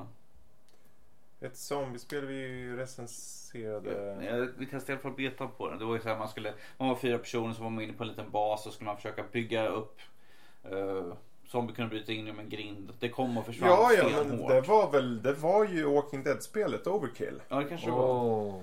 Eh, och det, det, det, de, Rest in Peace tänkte jag säga. De är inte döda än, Starbreeze. Eh, eller är de det? Jag vet faktiskt inte. Jag har inte läst på sistone. De håller på att gå i KK för det där. Sist Ja. jag läste. Ja. Mm. Men det var ju deras försök där. Det sista de hade. Och där gick ju käpprätt åt pipsvängen med det. Tyvärr. Det hade ju intressant. Det var ju lite av... Um, det var lite som, vad heter det andra nu igen? Survival instinct. Vermintide. Ja. Eh, Vermintide 2, du vet när man börjar på en plats och sen händer det saker vid en bas typ och sen så istället för att du bara laddar de en ny nivå eller något så är det som en story, en kampanj som du bara, ja men nu går gänget så får du lite story så går ni till en ny plats till exempel. Och sen går ni till en ny plats och det är tre delar. Så det är hela eh, uppdraget liksom så att säga, eller hela kampanjen för den här nummer ett, del 1. kan man säga då. Så det, konceptuellt var ju som i början att du gick liksom dut, dut, dut, tre steg så. Men att det skilde sig, man fick gå mellan dem då. Eh, I Vermintide gick det ju verkligen, då gick det ju mellan. Så, så den, den idén tyckte jag var lite intressant. Tyvärr var utförandet både tråkigt och förutsägbart och man kände, ja men vi har sett det här. Vad... Jag vet inte riktigt vad. Det kändes så sent att komma in med det nu. Med zombies också. Det var bara för att de hade licenser. Mm. Men du kunde ju ha kört det, det var ju licensspel. Yay! Om du hade någon att köra med, för det finns Ja. ingen kvar som kör det. Nej, jag vet inte. Ja, men det är ju det är ju som det här, vad heter det, H1, H1Z1 eller? H1Z1. Okej, Problemet var där liksom att ni är de sista överlevande. Ni träffar kanske på några andra där. Mm. Problemet med de spelen var att alla man möter på mördade skiten ur en för att ens grejer. Ja. Så liksom. Det var liksom så här, vi ska överleva liksom här. Vi är de sista, som, vi mot zombies, få människor kvar. Men alla var ju bara ute för att trolla i ett sånt spel och det fanns ju ingen bestraffning för det. Nej, men det, du, man kan inte lämna över det stora ansvaret eh, till en spelarbas. För du kommer ha ett par som är väldigt på och inne i det. Sen kommer man ha de som vill trolla. Ja. ja men ifall det ändå fanns liksom så här att samarbeta. Det, det finns någonting du kan gaina någonting på att samarbeta eller något sånt där. Men att i sånt där Mm. spel är det liksom fritt fram. Liksom, folk mördar ju varandra bara. Mm. hejdlöst. Det är liksom, det är dåligt zombiespel. För då har man liksom bara slängt ut folk willy-nilly liksom i en spelvärld utan att ha liksom några begränsningar. Mm. Jag tänkte du fråga vad som gör ett bra och dåligt zombiespel. Yes. Det handlar väl mycket om vad folk är mätta på antar jag. Mer som att något är bra eller dåligt. Det var ju en period efter, vid eh, Left 4 Dead. Mm. När 4 player co-op var som störst. Och sen kom tvåan och vart det liksom okej nu. Det var liksom Det satte någon slags ribba. Så de som försökte på något sätt göra den typen av spel blir ju alla jämförda med Left 4 Dead bara. Ja. Eh, och sen så, ja, varför ens försöka? De försökte med State of Decay och göra något nytt. Mm. Eh, där man det var lite, ja, vad ska man säga, roguelike liknande. Du måste ju se till att gubbarna överlever. Du måste äta på nätter och sånt. Du måste äta Precis. och överleva och, och så på ett annat sätt. Mm. Och mer tuffare så. Där man bytte mellan de karaktärer man hade. Ifall någon var sjuk så lämnade mm, man kvar om man körde dem. själv då. Om man körde själv. eh, Eller liksom att de var döende någonstans. Då kunde man lämna tillbaka, ta någon annan karaktär, springa ut. Och Men var, man var tvungen att ta sig ut liksom för att maten tog slut och du var tvungen att ut och rensa hus på saker. Liksom. Proviant och sånt. Och så ta med till din bas. Uppgradera din bas lite. Jo, bygga, bygga ut och så. Så den hade något där. Men... Ja men det var ja, det, är en av de grejerna jag älskade med This War of Mine. Det var Mm. där du gjorde du scavengea hela tiden. Ja. Det som gjorde det spelet bra, det var inga zombies. Nej, det var en, Eh. sni- en sniper istället som man var att tajma för att ta sig förbi. Ja, det var sorgligt minns jag. Men, men det, jag blev väldigt glad för att jag älskade allt, hela den delen. Just Mm. att du måste ge dig ut med just dina skador. Eller antingen, här, här har vi en gubbe som har hosta och han är skadad. Men han är starkast så han kan hämta mest grejer. Mm. Eller så kan du skicka ut eh, ett barn i princip. Ehm, det, det var fascinerande. Men jag, jag tror jag, jag älskar zombies. Jag har alltid älskat zombies. Mm. Vi ser i din filmhylla. Vi ser för lite varulvsspel. Ja, Hey Order. Vad heter den? 80, 86 eller vad det. Ja, just det. Order, Det- Order 1886. Det hade potential. Men tyvärr. Um, Jag tyckte förvisso om det lite grann faktiskt. det lilla jag spelade av det, ja. Jag tyckte jättemycket om det Det var med. kö- lite köttigt så. Men de hade förankrat så mycket i, i Quick Time Events idag. Precis. Oh well. Men det är, en, det är ett helt annat spel. Oh ja, det är ett helt annat spel. Ja. Men, men det finns en del zombiespel som är rätt kul ändå. Mm. Ett av mina absoluta favoriter, mobilspel faktiskt, eller det är inte mobil bara, men jag spelade där på, var ju Oregon Trail. Oregon, Oregon Trail. Inte Oregon Trail, Oregon? Oregon Trail. Där Okej. du, där, säger, du säger det organ och vi vet mycket väl. Eh, det, det, det var ett av de där Ni som känner till Oregon Trail, det var ju Mm. det att du skulle resa ifrån, jag kommer inte ihåg var. Det var östkusten till väst. va? Ja, Du precis. ska resa västerut. Ja, men, men, men eh, en vagn i princip Ja. och, och så. Här har du en station wagon som du har ett par människor i. Som ni, och ni sätter er för att åka Okej. eh, genom USA där och undvika zombies. Mm. Det är så fruktansvärt roligt. Eh, och det, det är också så här pixel art. Det, det, det rekommenderar jag. Och det liksom, jag vet inte, jag är bara trött på hela den här tror jag, FPS zombies. Dying Light, Dead Island, även vad heter det där, Capcom Dead Rising. Ja, just det. Ja. Det, det blev så mycket här. Ju- öppen värld och gör vad ni vill. Ja, Mm. det är inte kul längre. Men någonting som är så begränsat som Oregon Trail var väldigt kul. Mm. Vet du vad som också är kul? Film är kul. Va? Ja. Har vi sett på film på sistone? Ja. Vi lägger ifrån oss de här ämnena nu. Vi ska avrunda snart podden tänkte jag. Mm. Eh, och eh, vi går ju som sagt mot att komma tillbaka med ordinarie podd förhoppningsvis nästa vecka. Eh, när ni hör det här. Peppa peppa ta i trä. Ja. Och, eh, Ja, och då, men då tänkte jag. Jag vet inte vad vi kommer ta upp i det avsnittet. Vilka som är med i det avsnittet ens för den delen. Mm. Eh, så Komma om vi mot förmodan inte är med i det avsnittet så har vi ju faktiskt haft en sommar bakom oss. Med kanske film, med kanske spel. Eh, eller kanske andra typer av nördiga äventyr, vad vet jag. Kanske spela in en eh, film om korv. Som man gör. Det hörde ni här. Det är alltså Ja. min nästa film. En film om korv. Så jag tänkte ställa er frågan, vad, finns det något nördigt ni gjort under sommaren i just film eller spelväg? Så ni känner, men det här kanske jag kan, eh, det här skulle jag vilja belysa lite, lite grann. Ehm, ja, nu, nu, nu sätter de sig och funderar sig lite. Är det någon som kommer på något på studs? Nej, Nej. inte på rak arm sådär. Alltså, Eh, I filmväg så, jag, jag, jag tänkte på det, för det, vi behöver inte vara nya filmer nu, utan film som ni har sett bara, tänker jag. ja, för nya filmer då hade jag varit kör. Ja, ja, ja, ja, herregud, bäver. Det är vad man väntar sig visserligen. Eh, Okej, jag såg... Eh, jag har ju pratat om dem innan och så. Mm. Men det finns ett svenskt eh, koll- filmkollektiv som heter Stockholm Syndrome. Mm. Som gjorde Stock, eh, vet du, den, Puppet Master, Little Reich. Ja, just det. Det var inte under Stockholm Syndrome namnet men Mm. det var de människorna. Mm. Eh, jag såg deras film Blood Runs Cold. Okej. Den är eh, filmad på en DSLR, alltså en systemkamera, med bygglampor. I princip. Jaha. Det här, vi snackar alltså en, eh, självklart en högre budget för att det är en Mm. långfilm. Men det är samma skrot och korn som jag använder mångt och mycket när jag gör någonting. Och det var väldigt skönt och kul att se att det inte bara är en själv som tar till de här desperata behoven för att kunna, eller metoderna för att få Mm. ihop en film. Uh, och säga vad man vill, de lyckades göra en, en slasher Mm. som har rätt schysst atmosfär ändå. Och jag tycker definitivt att man som svensk ska leta upp de här. De är svåra att hitta. Mm. Men jag rekommenderar verkligen att leta upp dem, ge dem en chans och sen tänk efter. Det här är filmat utanför eh, Stockholm i en stuga mitt i skogen.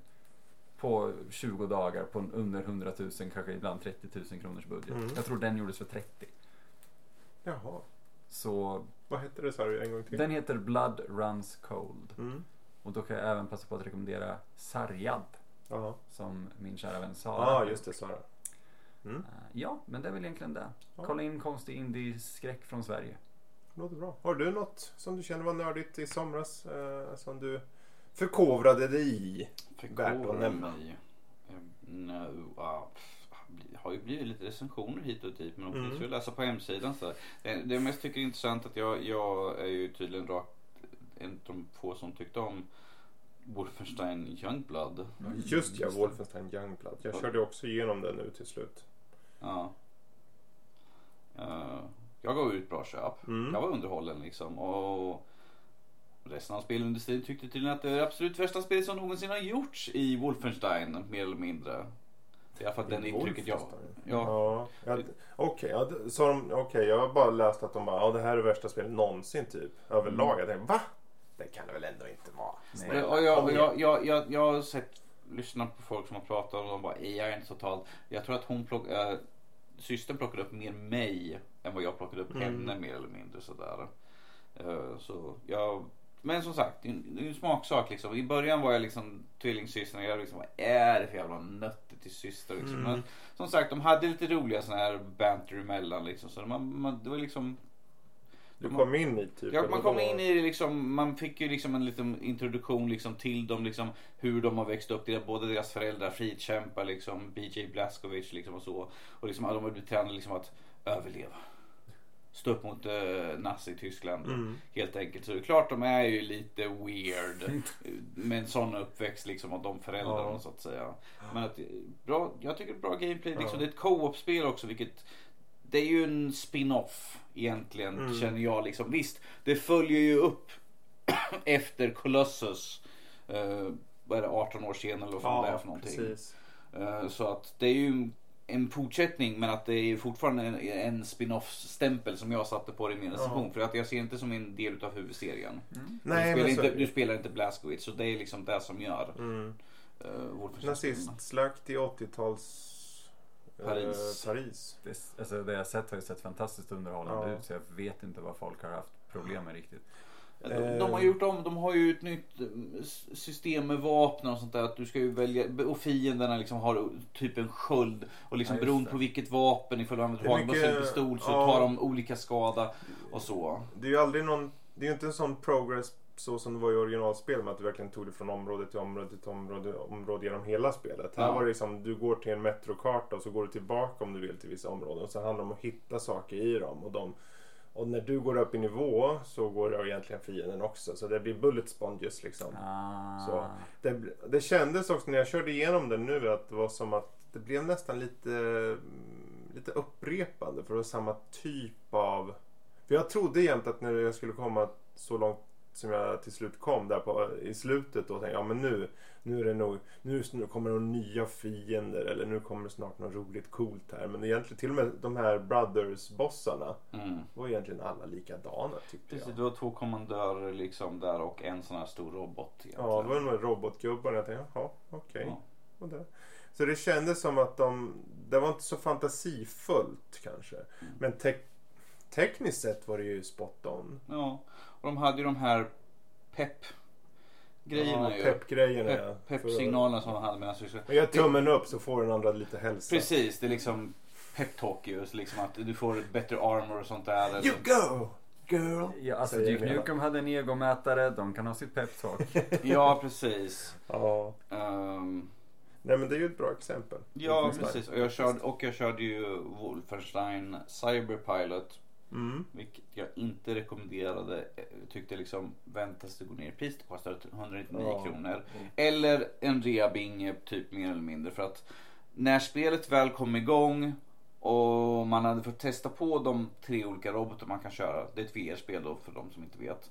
Eh, Och när jag väl hade fått komma igenom och liksom kommer, man sitter liksom jag antar att folk som lyssnar inte kommer att skaffa det ändå. Så för det, det är liksom jättekort. Man sitter liksom i en stol och man har varsin, tog i varsin hand. Det kommer soldater och man sitter och skjuter liksom överallt. Och de kommer liksom säga. Vill du bli en del utav eh, the resistance? Jag, jag bara liksom okej. Och sen börjar eftertexten rulla. Jag bara what? Ja. Spelet är bara några timmar kort. Oj, okej. Ja. Det var liksom som, nu har vi kommit till crescendo, nu kommer spelet verkligen börja. Det här är liksom som en prolog eller liksom en tutorial mer eller mindre. För du har liksom ba- per bana så kör du liksom med de olika eh, robotarna som man tar över. Mm. Och sen efter det så var det en, sån här, en gemensam bana för att spelet nämns ju i uh, Youngbloods. Precis. I förbifarten. Precis. Systrarna pratar om det. Liksom. De bara, ja ah, men där är Brothers 2 och ja men kommer du ihåg att han Cyberpilot, han, det var ju han som hade sönder allt det där för jättelänge sedan. Mm. För att det utspelar sig innan uh, Youngbloods. Och jag bara, jag bara ko- kommer jag få liksom upp, ha sönder det där tornet och sånt där? Det gör man ju inte. Eh, och sen liksom slutar det sådär, man bara så mycket potential bortkastad för ett spel som är bara någon timme långt. Liksom. Så Ja, jag, var så, jag var så besviken. Jag var så Mm. pepp liksom. Först var det liksom, jag var ju sjuk Så ganska du var så liksom, pepp så innan. inte ens en pepp från en av systrarna Nej, inte ens det kunde liksom ge mig 100% för jag var ju sjuk liksom när jag skulle recensera så det tog en jävla tid när jag kom igång och få det där gjort. Och sen när jag väl satte mig liksom, för jag körde liksom typ barnvis de där. Och sen jag tänkte ah, men nu ska jag sätta mig, nu är jag kry och frisk liksom. Ska Mm. köra skiten med det här spelet och köra massor med banor och sånt där. Ju typ en bana kvar då bara. Och var inte lång heller ju så att säga. Och den här sommaren. Jag satt ju, jag, vet, jag kommer inte ihåg vilka spel jag har recenserat på rak arm. Så. Mm. Något som står ut var ett spel som heter Summer Catchers. Eh, just det. Det är så här pixel art liknande spel. Eh, men mer åt Maniac Mansion liknande. Mm. Alltså utseendemässigt bara. Ah. Konceptet på att, eh, att du kör en lådbil. Eh, det är en arkadracer fast du styr inte bilen på något sätt. Utan det handlar om att du ska tajma. Eh, du väljer, det kommer upp på sidan tre stycken saker som du har tillgängligt. För du måste köpa typ olika typer av förmågor. Okej, en hoppfunktion, en eh, helikopterfunktion och så vidare. Och så vidare. Och då dimper de upp på sidan av skärmen och då ska du när du behöver då aktivera dem. Plupp, plupp, plupp och sen ska du ta dig över en karta där du träffar på massor med olika djur som pratar med dig. För hela målet, en liten flicka det handlar om, hennes mål är att hon ska ta sig till havet. Ja. That's it.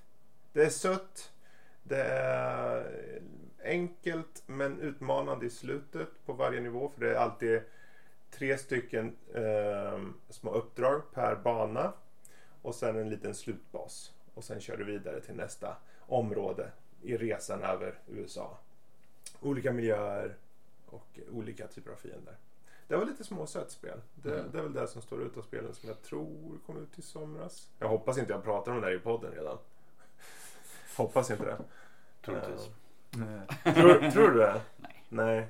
Nej, Nej. det kom ut nu under sommaren nu. Ja, det måste det ha gjort. Under uppehållet nu så. Men ni vet, under tiden man spelar sådana här recensionsspel så måste man ha något som är jävligt hjärndött också.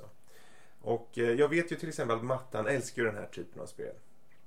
Eh, så jag tänkte, jag såg det var en rea på ett spel som heter, eh, och ni, de flesta känner nog till det, det heter Bloons. Det fanns på mobil hur länge som helst, det fanns på sådana här hemsidor. Det är Tower Defense. Okej. Ja. Man, man har små apor som skjuter pilar så här. Okej. Ja. Och eh, jag För, köpte... för er som inte kan se, jag är ser ut som två frågetecken just Ja, nu. jag fattar inte hur ni inte kan veta det. Det är helt Kör- otroligt. Kör inte. Så Bloons TD6 släpptes i höstas. Och jag såg att det var nedsatt. Jag tänkte, ja men jag behöver ha något. Du vet, man kan bara slänga igång lite YouTube på sidan. Och sen trycker man igång lite så är det ett par apor som står och kastar och så. Så jag tänkte, ja men jag, jag, det här blir bra för mig. Jag har något att, för mig är det lite så här sen över det. Ifall jag, ifall jag liksom känner att jag har ingenting, jag har ingenting att göra liksom.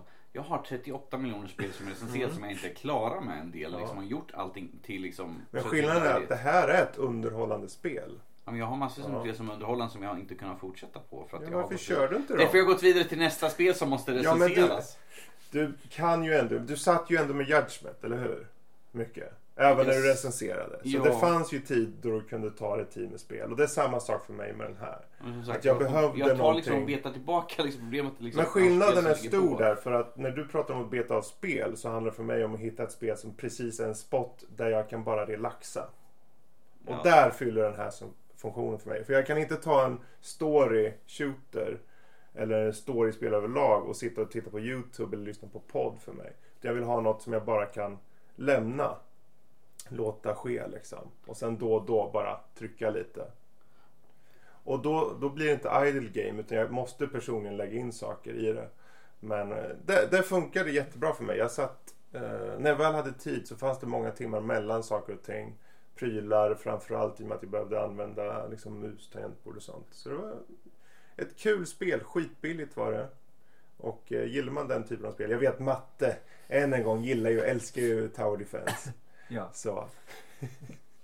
Nej, han Stackars hatar det. man som inte får försvara sig. Han hatar det.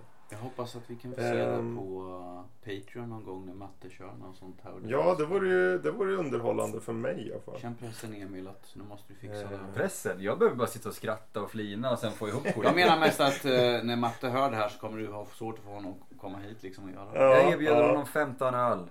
Ja, ja, men Du har så. det nu på podd. Men det är just det där, om man försöker hitta något som står ut från det som jag, som, ni, som du sa också, att ni har ju säkert läst allt på sajten. Ja. Så är det här ett sånt spel för mig som står utanför liksom. I filmväg så har det ju skett mycket film. Vi såg ju Spiderman Mm. eh, och så. Eh, Och det kommer, vi- jag tror vi tar upp det i podden kanske längre fram, om vi ens tar upp det igen. Ja. Eh, jag tyckte den var okej filmen faktiskt. Det var lite bättre än förra faktiskt. Eh, Ja. Eh, men jag säger tre och en halv av fem. Underhållande. Helt okej. Ner. Tom Hol- Holland var jättebra. Eh, så, men lite bagatell i eh, MCU. Ja, om vi tar så här att den har ju liksom ingenting egentligen att tillföra. Det är ju liksom en, en film som står utanför Mm. resten av alltihopa. För det var liksom så här Sen är det filmen efter liksom slutklämmen egentligen. Så Ah, okej. Ja. Mm. Oh well. Eh, men eh, har vi något vi vill avsluta med? Är det något ni vill eh, säga att ni har tittat på, spelat eller så för sommaren 2019? Och Jag skulle önska att jag tittade på mer saker. Jag har så många serier som folk har rekommenderat höger och Ja, vänster. just The. Boys och allt just sånt Ja. där. Eh, Tjernobyl har jag inte heller sett på. Mm. Så jag har så mycket. Och det är så mycket filmer också. Så... Jag har så mycket på den där listan också. Men jag- jag är glad att jag har lyckats beta av ett par Mm. av grejerna nu. Eh, Precis. Jag har lyckats läsa en hel del den här eh, sommaren faktiskt. Mm. Det har varit väldigt skönt. Så jag har kunnat bocka av grejer därifrån. Ja. Ehm, det, jag vet inte. Det, har- det har bara varit en väldigt avkopplad eh, mediasommar på det sättet. Den har Mm. inte varit lugn, men när jag har väl tittat på någonting så är det någonting jag har velat ta mig an Ja. ganska länge. Rederiet. ja, du ser. Det blir mer snack om Rederiet framledes kanske. Vad vet jag? Jag tror det. Ja. Varför inte? Det här med bortkastad tid. Men det är, det är ungefär som vet förr under somrarna. På sent på natten så hade de sådana här gamla deckare som gick. Det var någon alltid. Man bara, det här är egentligen skit. Så här morden i Midsummer. Det är egentligen snusk. Sett till liksom sånt här tv-dravel. Men det går ner. Men det är skönt därför att Ja. du, får, du matas av någonting. Du blir tillfredsställd på något Ja. vis. Du behöver inte engagera dig så mycket. Precis. Och, alltså vi, ja, det är jag och Elisa som vi har haft på podden någon Mm. gång. Ehm, och som kollar igenom det. Och det är så kul därför att båda har så här called it hela tiden när saker och ting händer. Ja. Men det är för att det går by the books hela tiden. Men vi har rätt, när vi har rätt så här, vi har ungefär 75% rätt. Mm. Okej. Ja. Så om en karaktär försvinner så är det så här, ah, ja men den här kommer komma tillbaka. Så, så kommer den här karaktären tillbaka. Ish. Mm. Men inte riktigt. Och det är väldigt kul för då får man inte allting, liksom, vi, vi, då har vi inte koll på allt. För att då sitter man med de där sista 25 procenten och bara, vad är det vi har fel på? Mm. Och de gör att det fortfarande är kul att se serien. Ja, vi är okej. sex eller sju säsonger in så vi har bara 12 säsonger kvar. Oh my Mysigt. god. Mysigt. Mer om det senare. Ja. Eh, med det så säger vi helt enkelt tack och adjö för eh, sommaren. Från Sveriges framsida Ja, önskar vi er Göteborg. Ja, ja. Det, Götlaborg i vårt hjärta. han har inte druckit. Nej, jag har inte druckit. Tyvärr. Eller tyvärr. Han tog ju faktiskt en, en vanlig cola och inte Yes, ja, zero. det är det är sockerkicken. socker. Det är Sockret vet du. Ja. Men vi får tacka den eminente Emil, Ja. den underbara Danny Oh. Och lilla mig Fredrik. Jag är så ovan att höra eh, mitt vanliga namn. Så. Och så eh, säger vi helt enkelt eh, tack och hej för oss och eh, vi hörs igen nästa vecka i ordinarie Nördliv tillbaka igen. Så tack och Toodaloo. Farväl. hej då.